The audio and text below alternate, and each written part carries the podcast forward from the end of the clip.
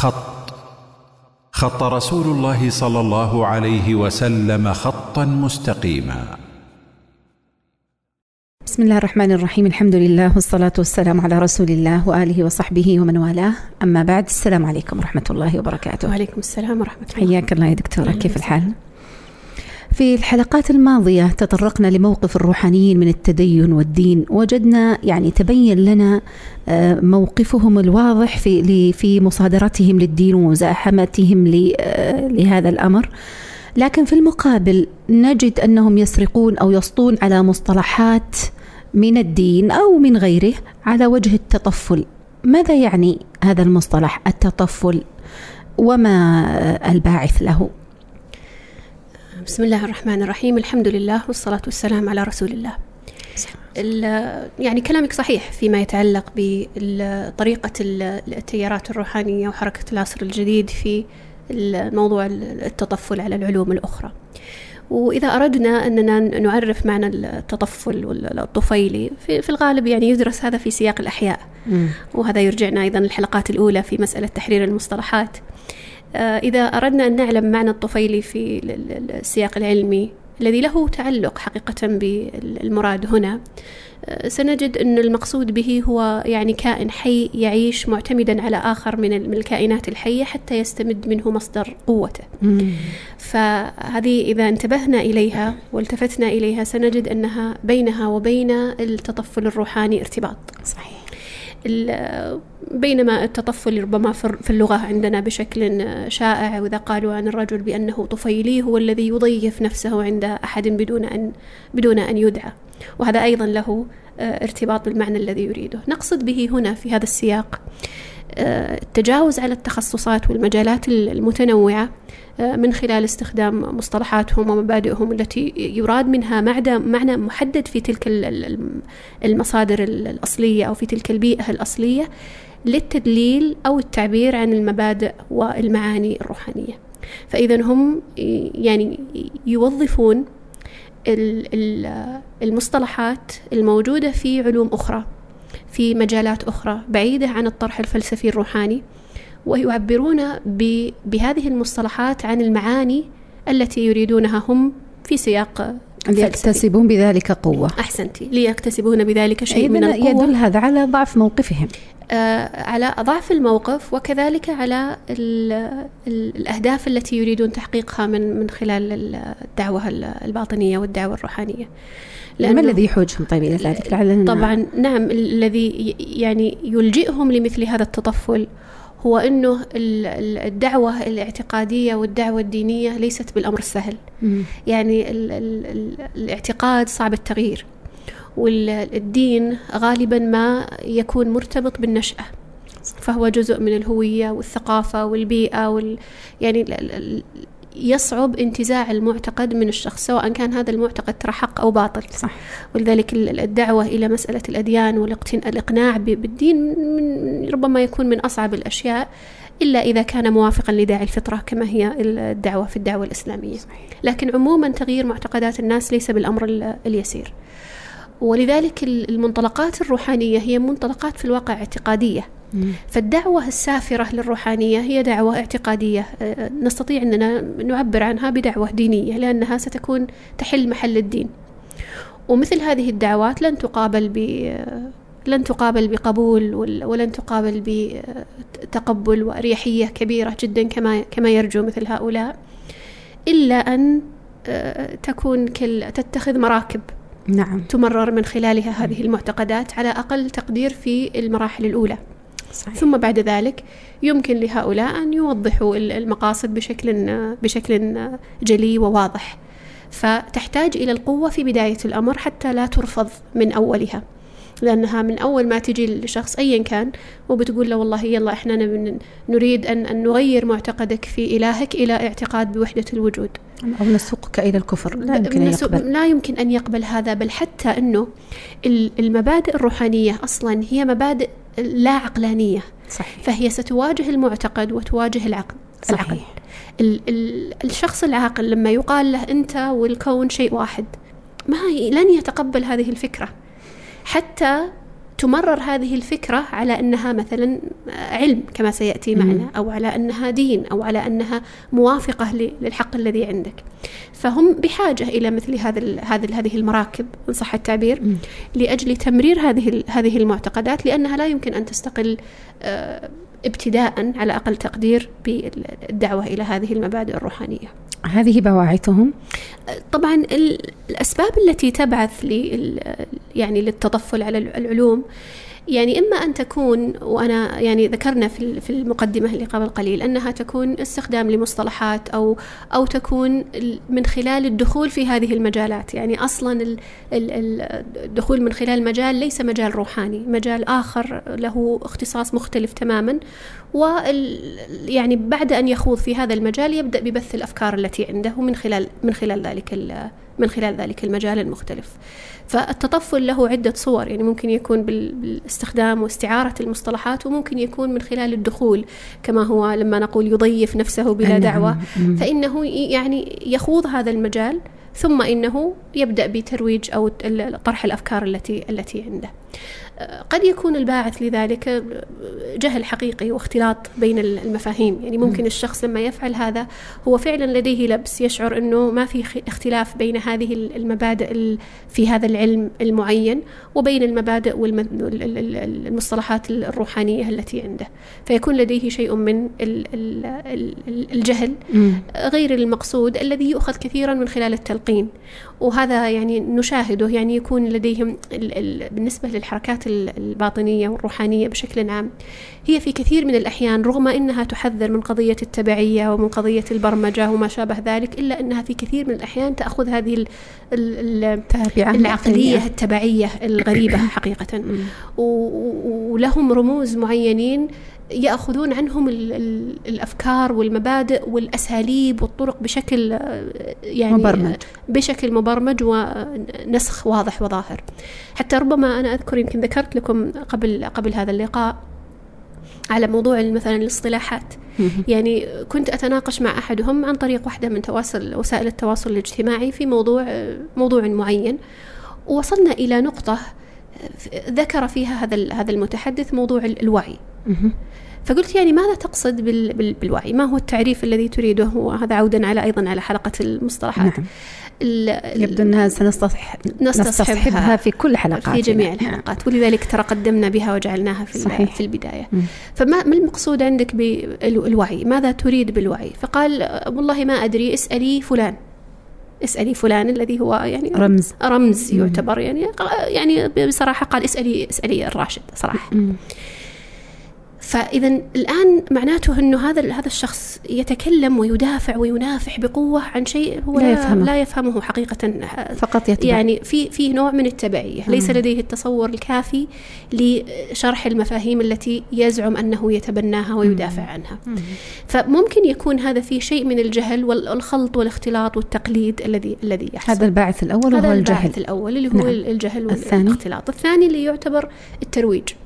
يعني بمعنى أنه يسعى وهذا الذي ذكرناه قبل قليل أن يكون يسعى لترويج هذه الأفكار التي يتبناها لكن يرى أنه الطريقة لتسويقها لن تكون بالطريقة المباشرة لكن تكون من خلال التطفل على المجالات الأخرى على العلوم الأخرى. حتى يستطيع أنه يسوقها على أنها علم ولا على أنها دين ولا على يعني فيتقبلها الناس. يقوي موقفه. نعم. نعم. والباحث الأخير اللي يعتبر النقطه يعني خطيرة جدا مرتبطة بالثانية لكنها يعني تكون عن حقيقة عن عن يعني سوء خبث كأنه, خبث كأنه وسوء طوية مم. يعني الأول الثاني عفوا يكون يعني ربما المقاصد أحيانا تجارية تجارية مثلاً. ولا تكون فيها جانب من الشهرة وفيها نفعية. جانب مم. نفعية في الغالب بينما الثالث اللي هو المقصد أو أو قصد التلبيس فهذه مقصود بها أنه يشوش على الناس مفاهيمهم والمبادئ المستقرة عندهم في الأذهان حتى أنها تستبدل بهذه المفاهيم المغلوطة المرتبطة بالفلسفة الروحانية. أتذكر في حلقة ماضية ذكرتي أنهم يحرصون على الإغماض في المصطلحات. صحيح صحيح. وهذا لهذا السبب. لهذا السبب. مم. لهذا السبب أو للسبب الذي قبله. أو الذي قبله. حتى الترويج لأنه مم. لما تصرح خلاص انكشف أنك خلاص. انكشفت الآن ما عاد تستطيع أنك تروج للفكرة التي لن يقبله أحد. بالضبط صحيح. من الذي يفعل هذا؟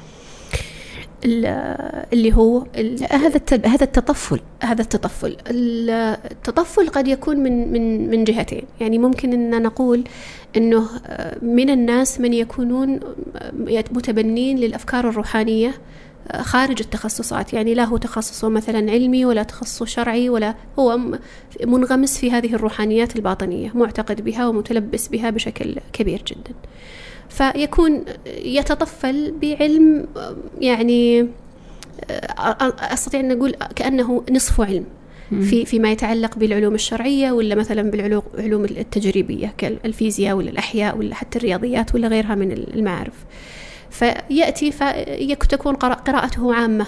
قراءته ثقافية في هذه في هذه المجالات ويأخذ منها ما يتناسب أو يرى أنه يتناسب مع الطرح الذي يريد أن يطرحه. فهو في الأصل روحاني لكنه يستعير من هذه العلوم وهذه المعارف. وهذا خطير لكن أخطر منه حقيقة المختص الذي لديه ميل روحاني. بمعنى أنه ممكن يكون هو بنفسه مختص طبيب مثلا. ولكن لديه ميول روحانية فيمرر هذه الميول الروحانية من خلال المعطيات الطبية التي عنده. أو يكون مثلا طالب علم شرعي أو يكون أكاديمي شرعي.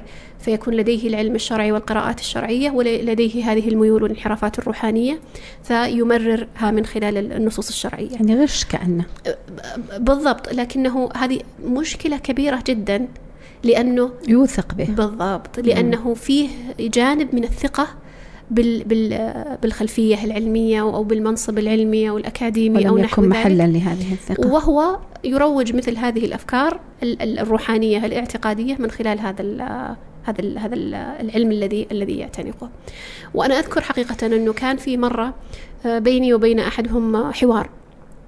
كانت آه، في يعني في في أحد وسائل التواصل الاجتماعي كان واحد فيزيائي معروف آه، يكتب كتابات عن الشاكرا والطاقة والمسارات الطاقة وأمور عجيبة يعني. والناس المتابعين الناس يعني لا يستطيعون أن يميزوا بين دقائق الأمور. فيميزوا بين ما هو معتقد وبين ما هو تخصص. فمجرد أنه فيزيائي يشعرون أنه الآن هو جالس يؤكد هذه المفاهيم الفيزيائية. فكنت أحاوره في هذه القضية وأقول له طيب أنت الآن تحتاج أنك تستند إلى دليل عطني دليل من تخصصك. أنت متخصص أنا لست متخصصة صحيح لكني قارئة وأستطيع أن أستوعب. يعني, يعني أستطيع أن أستوعب دليلك صحيح للدراسة التي تستدل بها مصدرها موثوق ولا ما هو موثوق؟ يعني من خلال التقصي من خلال يعني القراءة العامة الثقافة نعم. العامة. نعم.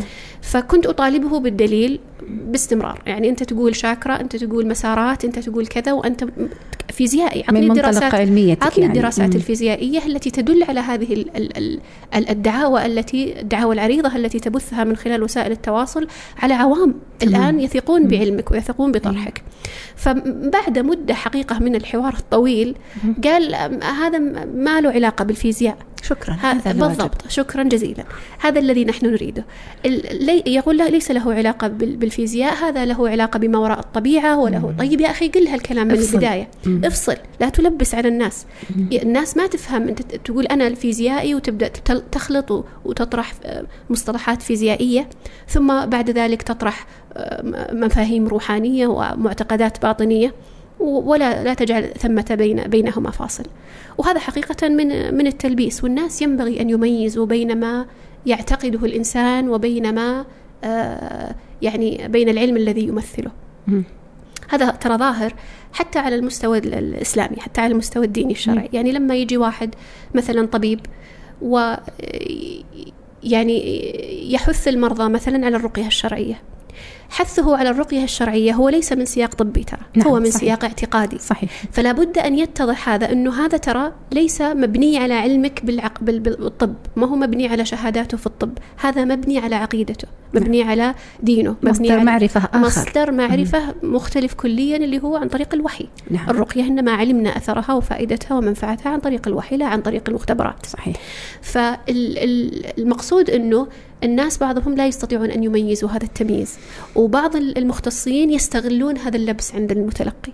ومن ثم لا يبين أنا الناس تثق فيه أنا عندي علم شرعي عندي شهادات شرعية ولا الناس تثق بي أنا أنا عندي شهادات في في بعض العلوم التجريبية فيزياء ولا غيره فأروج هذه الأفكار من خلال هذه الشهادات وهذه وهذا مثل ما ذكرت لك لأنه قريب من التخصص فقدرته على سحب الأدلة أيه. من التخصص أقوى صحيح يعني يعني خلينا على مثلا على السياق الشرعي. يعني من الذي لديه قدرة على استخراج الاستدلالات والاستنباطات والمقالات الشاذة أحيانا في صح. في كتب أهل أهل الإسلام إلا من لديه قراءة واحد عامي بعيد قراءته سطحية ثقافية عامة ما يستطيع أنه يستخرج هذه الاستدلالات الذي يستخرجها هو هذا المتخصص. وهذا في المقابل نفس الشيء يحصل في التخصصات الأخرى. فعنده مجالات قابلة للغش لل... نعم للتلبيس. مناطق كذا تعتبر كالمناطق الرمادية. يستطيع أنه يستخرجها ويبرزها ويجعلها أدلة وشبهات علمية يحتاج إذا إلى يعني آه، مستوى عالي من الصدق والنزاهة والإخلاص إذا كان لا شك والإيمان إذا كان متخصص شرعي وإذا كان غير ذلك يحتاج إلى نوع من الإنصاف والنزاهة. صحيح. يبدو أن يبدو أن التطفل متعدد المجالات. يعني في من خلال طرحك مرة يتطفلون على نصوص شرعية مرة يتطفلون على علوم فيزيائية إلى آخره. قبل أن نتطرق ل العلوم أو المجالات التي تتطفل عليها الروحانية هل لهذا التطفل بداية تاريخية؟ يعني ممكن أن نتتبع البداية التاريخية إلى ربما إلى الستينات أو السبعينات في القرن الميلادي المنصرم. آه، أنا في حلقة ماضية ربما تكلمنا عن التسلسل التاريخي صحيح. في في في نشأة أو أو في يعني تطور الفكر الباطني في الغرب. نعم. وانتهينا إلى إلى ما يعرف بحركة القدرات البشرية الكامنة. صح. human potential movement هذه الحركة كان لها وربما ذكرت هذا في في اللقاء السابق إنه هذه الحركة كان لها موقع جغرافي. الموقع الجغرافي لهذه الحركة هو ما يعرف بمعهد إيسلن في في كاليفورنيا في منطقة اسمها بيج سر منطقة آه، جبلية جميلة فيها شلالات وعلى يعني يعني كأنها نوع من المنتجع آه، الذي يعني يجمع بين ال ال يعني الترفيه وبين الجانب العقدي والجانب الفلسفي. من الأشياء التي تميز بها تميز بها هذا هذا المعهد عن غيره من الحركات الباطنية السابقة في الغرب. إنه في هذا المعهد بدأت تحصل أو بدأ يحصل التلاقح والتداخل بين المعارف والعلوم. وكانت سابقا تطرح الفكرة الباطنية والروحانية تطرح كفكرة وفلسفة مجردة يعني تطرح كما هي كمبدأ فلسفي أو كفكرة أو أو كمذهب ويقبله من يقبله ويرده من يرده إن اقتنعت بهذه الأفكار كان بها ما اقتنعت فأنت على بينة فأنت منها. على بينة مما. ترده أو تقبله لما جاء هذا هذا المعهد عاد بقصد أو بغير قصد صار فيه نوع من التزاوج بين المعارف. خط. وصارت تجمع صار يجمع هذا هذا المعهد يجمع بين الأشخاص متأثرين ومتشربين للفلسفة الشرقية. وكان هذا هو الأصل أصلا المؤسسين لهذا المعهد يعني أصلا يعني تتلمذوا على رموز شرقية. رموز شرقية ومعلمين شرقيين في الهند أصلا في في في قعر دارهم. نعم. فلما عاد المؤسس هذا أحدهما عاد إلى الولايات المتحدة أسس هذا أسس هذا المعهد. سلن. نعم اللي هو معهد سلن آه، فصار يجتمع فيه هؤلاء المعلمين يسمون الجوروز المعلمين الروحانيين الباطنيين والهندوس والبوذيين حتى لو لو تشاهدين الصور. صور هذا المعهد. ستجدين أنه منتشر فيه الرموز الشرقية تماثيل بوذا والآلهة الهندوس وغير ذلك مما يدل على الأصل الشرقي البين الظاهر في في هذا في هذا المعهد والأثر الاعتقادي للديانات الشرقية. وأنه هو الأصل أصلا. أنه هو الأصل حقيقة هو والتطفل هو, الأصل. هو الفرع والتطفل آه نتيجة. آه. وإن لم تكن يعني هي يعني آه يعني لم تكن هي هي, هي وسيلة بل كانت مم. نتيجه لهذا التلاقح. اللي حصل أنهم صاروا يستضيفون في هذا المعهد كثير من الشخصيات التي يرون إنها لها نوع من الميول الباطني. آه، من آه، مثلا المختصين بعلم النفس ولا المختصين ببعض المعارف الإدارية المتعلقة بالذات وما شابه ذلك.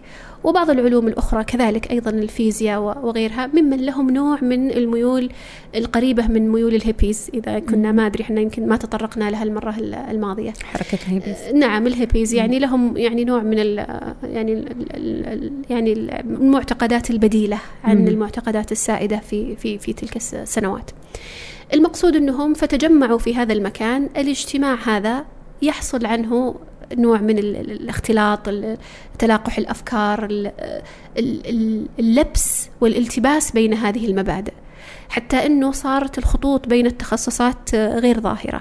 ولذلك يمكن يمكن مر معك حركة العصر الجديد ومرت معك البرمجة اللغوية العصبية. كلاهما نشأتهما بدأت في معهد إيسلن وكلاهما له نفس نفس الخصائص نعم. اللي هي خصائص الانتقائية والتلفيقية. حركة العصر الجديد انتقاء تلفيق آه، تطفل شديد وظاهر ونفس الشيء تجدينه في البرمجة اللغوية العصبية. ولذلك يعني تعجب كثير من الناس لمثل هذا القفزات الموجودة مثل فيها. هذا التنوع. نعم. مثل يعني هذا كأنها كأنها سلطة. يعني أي أو نعم. تجمع لك أشياء كثيرة وتضعها أمامك في في يعني في إناء واحد. فكانت هذه لما يخرج هؤلاء الآن يخرج هذا هذا المعلم الروحاني ولا هذا الهندوسي ولا هذا البوذي من هذا المعهد ويعود إلى موطنه ولا يخرج ل ل يعني مكانه وكذلك عالم النفس ولا الطبيب ولا يخرجون من هذا المعهد يخرج وقد اختلطت أفكاره بأفكار أخرى أليس كذلك؟ نعم. فصار الآن عنده التخصص وعنده في المقابل الجانب الروحاني فصار يخلط بينهما في طرحه سواء هذا الروحاني يستخدم مصطلحات اللي استفادها وتعلمها من من الذين استضافهم ومن الذين اختلط بهم في المعهد وفي المقابل هذا هذا المتخصص في علم النفس ولا في الطب ولا غيره يوظف. يبدأ يوظف ويعني يبدأ يفسر المعطيات العلمية في تخصصه بناء على هذه القناعات الروحانية التي تبناها في هذا في هذا المعهد. فأنا أزعم وأتصور أنه ربما يكون هذا هذا المعهد هو بداية مثل هذا النوع من من الخلط لأنه في التاريخ حقيقة لما ننظر في تطفل ديني فحسب. يعني التطفل الروحاني والباطني القديم إنما هو تطفل ديني بمعنى تأويل للنصوص تأويل الشرعية. تأويل للنصوص الشرعية يعني استدلال بشبهات شرعية على ما على هذه المبادئ وهذه المعتقدات لكن لا يوجد في الغالب خروج عن هذا هذا الإطار.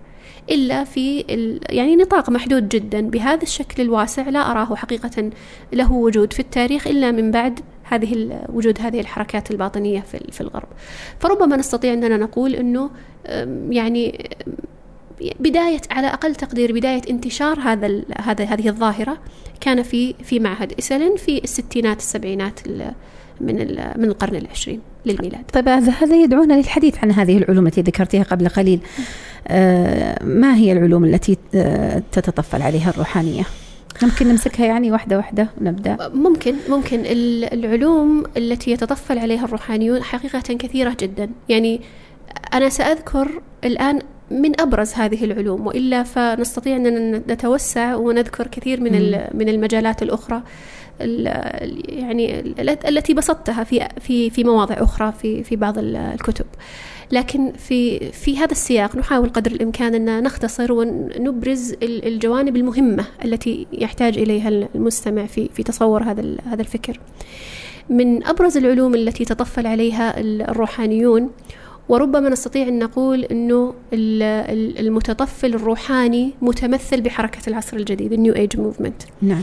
لأنه الروحانية بشكل عام ليست ليست يعني الروحانية غالبا تطرح تطرح عفوا تطرح كفكر تطرح كمعتقد. فلسفة بحتة فلسفة يعني. صرفة هذا في في الغالب. لكن لما نجي للصورة من الروحانية التي تخلط غالبا ما يطلق عليها العصر الجديد. العصر. نعم حركة العصر نعم. الجديد.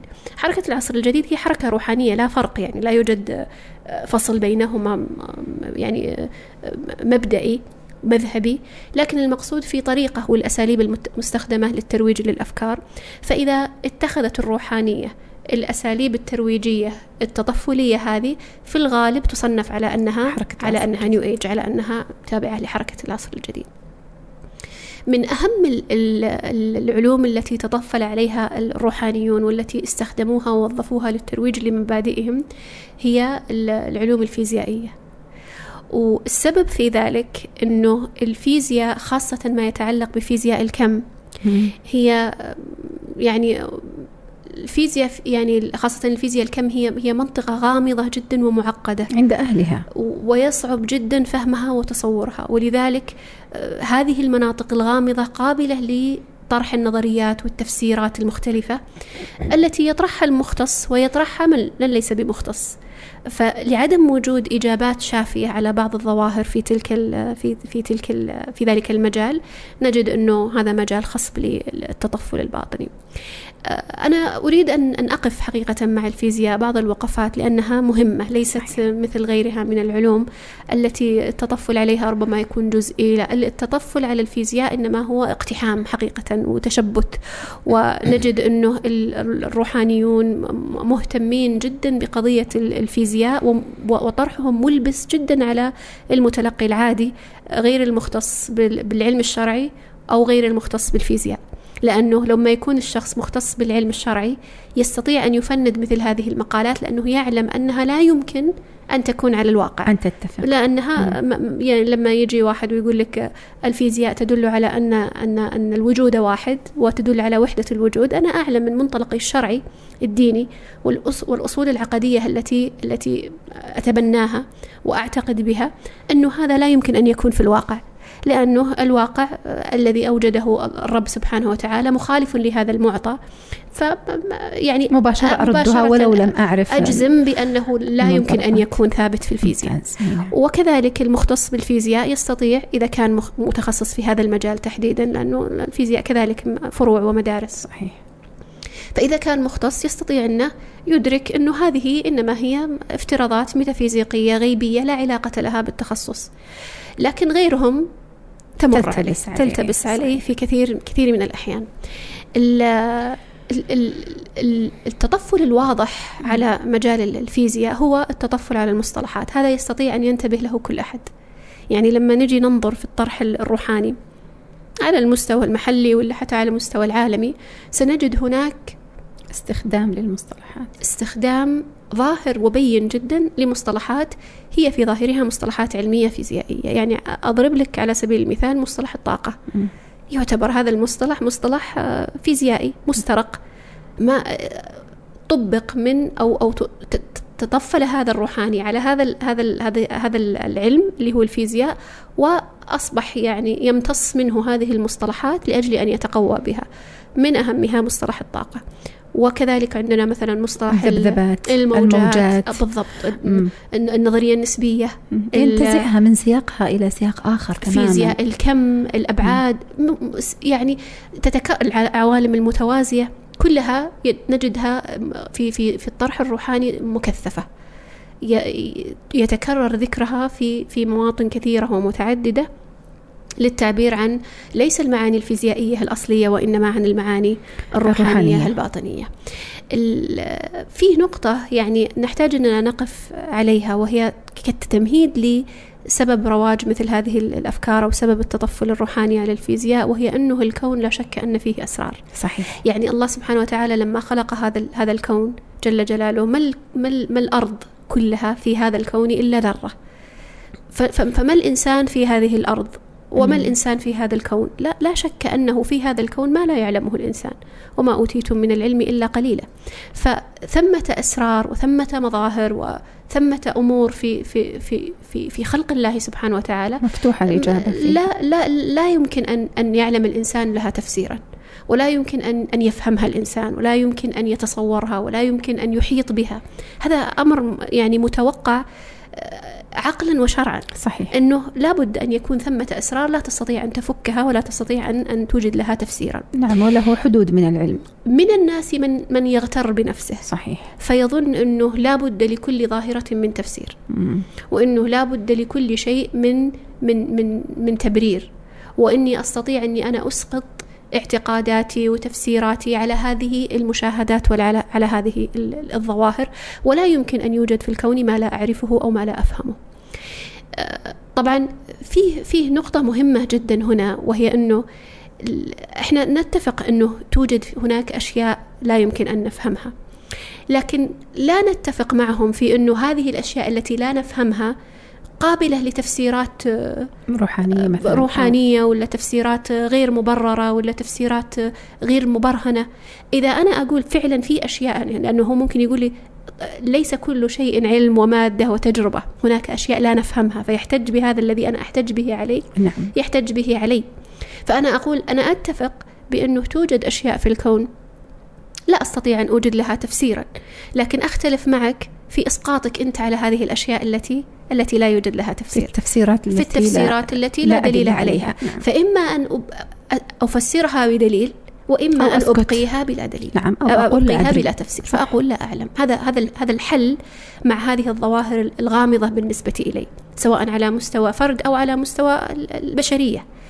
وفي المقابل هو لا هو لما تأتيه مثل هذه المواطن الغامضة في الكون يسقط عليها لأنها ما لها حل لأنها ما لها تفسير فيسقط عليها هذه التفسيرات الروحانية الباطنية فيقول إذا السبب أن الوجود واحد ولا السبب أن الإنسان إله؟ ويجيب لك أشياء لا علاقة لها بهذه تعبئة فراغ. تعبئة وترويج لهذه المعتقدات. وللأسف يكاد يكون هذا يعني هذه كأنها تكاد تكون ثقافة شائعة. أنه لابد لكل آه، شيء إجابة.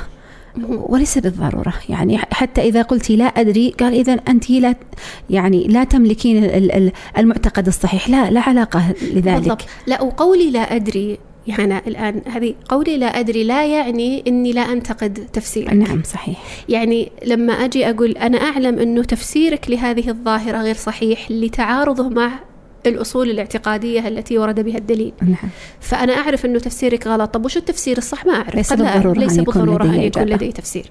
لكن لا يعني أنه أفقد الحق بمجرد عدم معرفتي للتفسير أفقد الحق في نقد التفسيرات الأخرى. نعم. فقد أقول هذا تفسير باطل دون أن أعلم التفسير الحق. ليش طيب أقدر؟ يعني لأني عندي منطلقات وأصول يخالفها هذا التفسير. فعندي مسلمات وحقائق تخالفها هذه التفسيرات الباطلة فخلاص مباشرة أعرف أنها غير غير مقبولة وغير غير مسلم لها صحيح. هذه المناطق اللي أعتبرها تعتبر كالمناطق الغامضة في في العلم هي محل مناسب لوضع النظريات العلمية وللتفسيرات الماورائية. نعم. التفسيرات الماورائية. وهذه التفسيرات الماورائية أيضا قد تكون بمنطلقات مختلفة. ممكن تكون دينية ممكن تكون روحانية ممكن تكون خرافية ممكن. يعني أنا أستطيع أني أنا أعطي تفسيرات عامة مجملة فأقول هذه إرادة الله هذا من الابتلاء هذا من كذا دون أن أعطي تفاصيل, تفاصيل. لأني عندي قواعد عامة في الشريعة تمكنني من مثل هذه التفسيرات. لكن لما يجي هذا الروحاني ويعطي تفسيرات غيبية تفصيلية. تفصيلية أو حتى مجملة م. لا يستند فيها إلى دليل من من التجربة من التجربة أو من من العلم أو من المنهج أو من العلمي أو من يعني الحس. ولا من الوحي ولا من الدين. هذا يعني ادعاء ادعاء وموطن لا شك موطن يعني موطن انتقاد. لما نجي لفيزياء الكم م. يعني نحتاج إلى أن نعرفها ابتداء. نعم. يعني فيزياء الكم إذا أردنا أن نعرفها هي مجموعة يعني ممكن أن نقول أنها مجموعة من النظريات الفيزيائية. المعنية بالذرة وما دون الذرة الجسيمات دون دون الذرية. فهي متعلقة بالعالم الصغير جدا. يعني على مستوى غير غير مشاهد بالعين غير مشاهد بالعين المجردة. وهذا هذا هذا الفرع من الفيزياء هو فرع فيه عمق وتعقيد وفيه صعوبة وغموض شديد. أنا أبى أقول لك يعني مقولتين من رجلين مختصين يعني في في في في مجال الفيزياء. وكلاهما حصل على على جائزة نوبل في الفيزياء. أولهما هو رجل اسمه ريتشارد فينمان مختص بالفيزياء النظرية أمريكي حصل على جائزة نوبل في الفيزياء في عام 1956 أو 65 في للميلاد. يقول أستطيع أن أقول بكل ثقة أنه لا يوجد أحد يفهم ميكانيكا الكم فيزياء الكم. جيد. نعم يعني المقصود إنه يعني لا يستطيع أن يفسرها بتفصيل نعم. يعني ليس المقصود إنه ما, ما نعم، في أحد بلا عنده. لديه علم هي مجال وتدرس صحيح. لكن أن يف- يفهمها ويفهم تفاص- تف- تف- تفاصيلها وتفسير الغامض منها هذا يقول أستطيع أن أقول بثقة أنه لا أحد يستطيع أن يفهم آه، فيزياء الكم رجل آخر اسمه ستيفن واينبرغ أيضا من آه، يعني م- متخصص بالفيزياء النظرية أمريكي حصل على جائزة نوبل أيضا في في عام 1979 آه، يقول في في رأيي الشخصي أنه لا يوجد آه، تفسير مقنع كليا لمظاهر فيزياء الكم أو لمظاهر ميكانيكا الكم. وإن كان يستطيع الاستفادة من نتائجه لكن ليس بالضرورة يكون لديه تفسير لذلك. أحسنتي. ليس لديه تفسير آه، حاليا مم. الآن. وقد يتبين قد لاحقاً. يتبين هذا بعد سنتين عشر سنوات مئة مئتين ثلاثمائة قد لا يتبين أبدا. مم. لكنه في هذه المرحلة لا يوجد لدينا تفسير لهذه الظواهر الصغيرة جدا في في في هذا ال في هذا ال في هذا ال في هذا العالم إن صح التعبير ما دون الذرة. وهذا طبيعي. يعني لا يعني لا لا يستغرب حقيقة مثل هذه العبارات. أنا أتصور أنه تستغرب. يعني ربما بالعكس. كلما ازداد الإنسان علما كلما كان عنده مثل هذا هذه الجرأة بمثل هذا الكلام والتواضع والتوقف عندما لا يعرفه. صحيح. بينما الشخص الجاهل يظن كل شيء ممكن. بالضبط. العجيب إنه طبعا لما نجي ل يعني فيه بعض الشخصيات اللي هي للأسف من المختصين بالفيزياء خاصة من في العالم الغربي. يعني رجل اسمه فريتجوف كابرا صاحب مم. كتاب آه، طاو الفيزياء. آه، طاو في الفيزياء أو فيزياء الطاو الفيزياء أو كذا أو شيء Tao of Physics الكتاب. ورجل آخر اسمه ديفيد بوم كذلك فيزيائي وكلاهما روحاني إلى النخاع باطني. اعتقاداتهم وأنا أشعر إنهم في الواقع بعيدين عن التخصص. يعني ضعيفين كانه يعني لا كأنهم. مش إنه ضعيفين فقط بعيد عن ال- ال- ال- الطرح المتخصص يعني يشبه إلى حد ما ديباك شوبرا مم. هو طبيب لكن طرحه ما هو طبي روحاني. طرحه روحاني صح وكذلك فريتجوف آه، فريتجوف كاب- كابرا عفوا وديفيد بوم كذلك كلاهما يعني طرحهما طرح في الواقع فلسفي باطني صح صح وإن كانت من منطلقات فيزيائية فريجتوف آه، كابرا في كتابه Physics ال- ال- يقرر عقيدة وحدة الوجود. صح. مزعج جدا كتابه يعني حتى ما يفهم بشكل نعم. طبعا لأنه يخلط بين مفاهيم فيزياء الكم وبين لكن أنا بتوقف عند هذه النقطة. مم. القارئ في الروحانيات في الغالب ليس متخصص في الفيزياء. يعني كم كم نسبة المختصين بالفيزياء من من. من الأمم عموما. لا نسبة قليلة. ومن اللي من الفيزياء يعني أنا أتذكر آه، قديما يوم كنت أبحث في يمكن قبل يمكن ست سبع سنوات كنت أحتاج إلى مسألة آه، أريد أن أفهمها في في في فيزياء الكم لأجل مناقشة مسألة ما في في في بحث. فتواصلت مع أكثر من مختصة بالفيزياء وقلت لهم يعني ودي هذه النقطة تشرحينها لي. قلت والله ما لا أستطيع مع أنهم يحملون شهادات عالية في الفيزياء. فهذا الجانب اللي هو جانب الفيزياء هو مسار دقيق ترى فيزياء الكم. هو مسار دقيق في التخصص. ليس كل من تخصص حتى بالفيزياء يستطيع أنه يفهمه. وليس كل من تخصص حتى في الفيزياء النظرية أو في فيزياء الكم يستطيع أن يتقن جميع المسائل التي فيها مثل أي تخصص. يعني الحين اللي متخرجة عندنا من أصول الدين ولا من هل تتقن جميع ما لا صح. الواقع آه، خلاف ذلك. فالمقصود أنه كم هم الأشخاص اللي مختصين ويستطيعون يفهمون مثل هذا هذا الطرح؟ ندرة. في الشريحة المتلقية التي ستقرأ الكتاب. لكن ما الذي سيحصل؟ سينبهر القارئ بهذه المصطلحات الغامضة الغريبة التي تصدر من شخص متخصص. ويقع في يعني قناعة تامة بصحة بصحة هذا الكلام وأنه علم. وهذا الذي يعني ذكرناه في في بداية اللقاء صح. عندما قلنا أنه المقصود هو ترويج هذه الأفكار على المتلقي لأنه سيتردد في قبولها. تقولين له وحدة وجود يقول لك لا وش كيف وحدة وجود؟ لكن تقولي له فيزياء الكم وتجيبي له نظرية ال- ال- ال- الشق المزدوج يعني تأتين بقطة شرودنجر ونظريات وأشياء غريبة غير قابلة للفهم بالنسبة لي. لن يناقش حتى لو ما فهم. يبي يقول خلاص أنا من أنا عشان أناقش صح. ولا أقول خطأ ولا. يبي يقتنع الآن هو في مثل هذا مثل هذا الطرح. وأنا أتذكر مرة قرأت لواحد كان يقول هو يبدو لي من من من طرحه أنه ذو خلفيه صوفية. لكن من من العجائب التي يعني شاهدتها يقول الآن لما ظهر كتاب فريجتوف كابرا في طاول الفيزياء الآن ظهر آه، أو أو فسر كلام ابن عربي آه، قديما. في تقريره لعقيدة وحدة الوجود. نعم صح. ففسرت الآن بالطريقة العلمية التي التي وجدت في طاولة وهي هي أساسا امتدادا لا طريقة علمية ولا شيء. بالضبط هي هي هي إياها. لكنها الآن ملبسة بهذه المصطلحات العلمية بينما ابن عربي والحلاج يطرحونها كما هي. فلسفة بحتة. فلسفة كما كما هي ربما بتطفل ديني.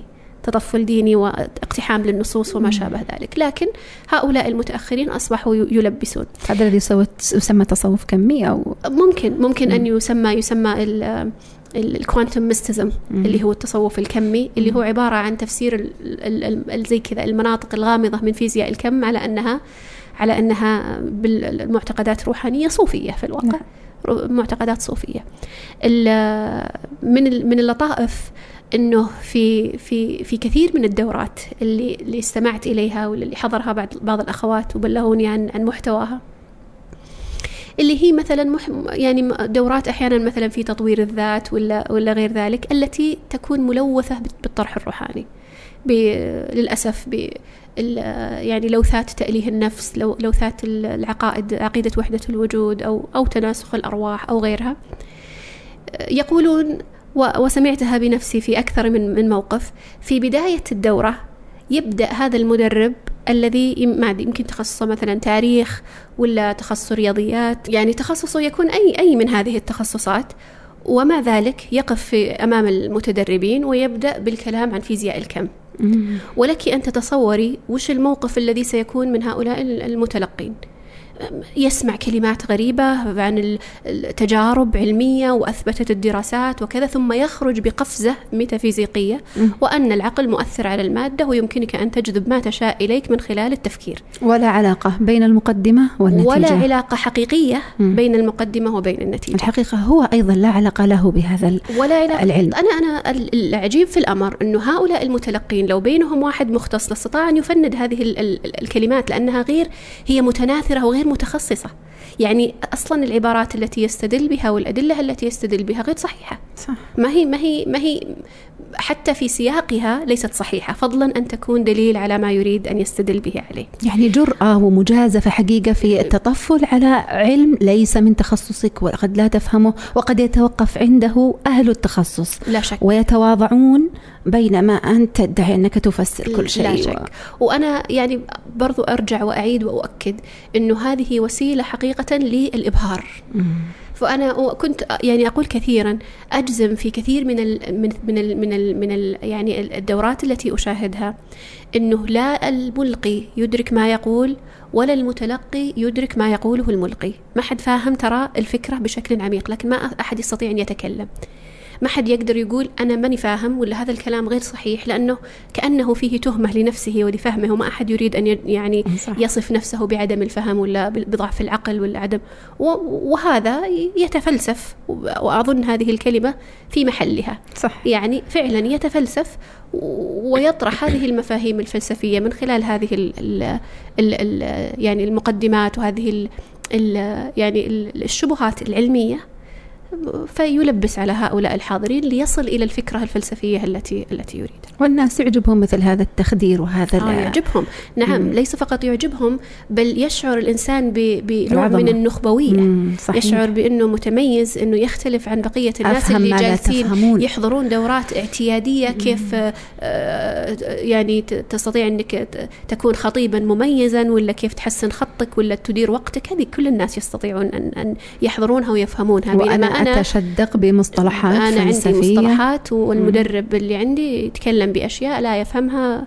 90% من الناس. وأكسب من بالإضافة إلى الحاضرين يعني نعم. شكرا جزيلا دكتور على هذا الطرح يعني الثقيل حقيقة والعميق. ويبدو أننا نحتاج إلى إكمال في الحلقة إن شاء الله تعالى القادمة أدركنا الوقت. آه لنعرف بقية المجالات وبقية العلوم التي يمكن أن يتطفل عليها.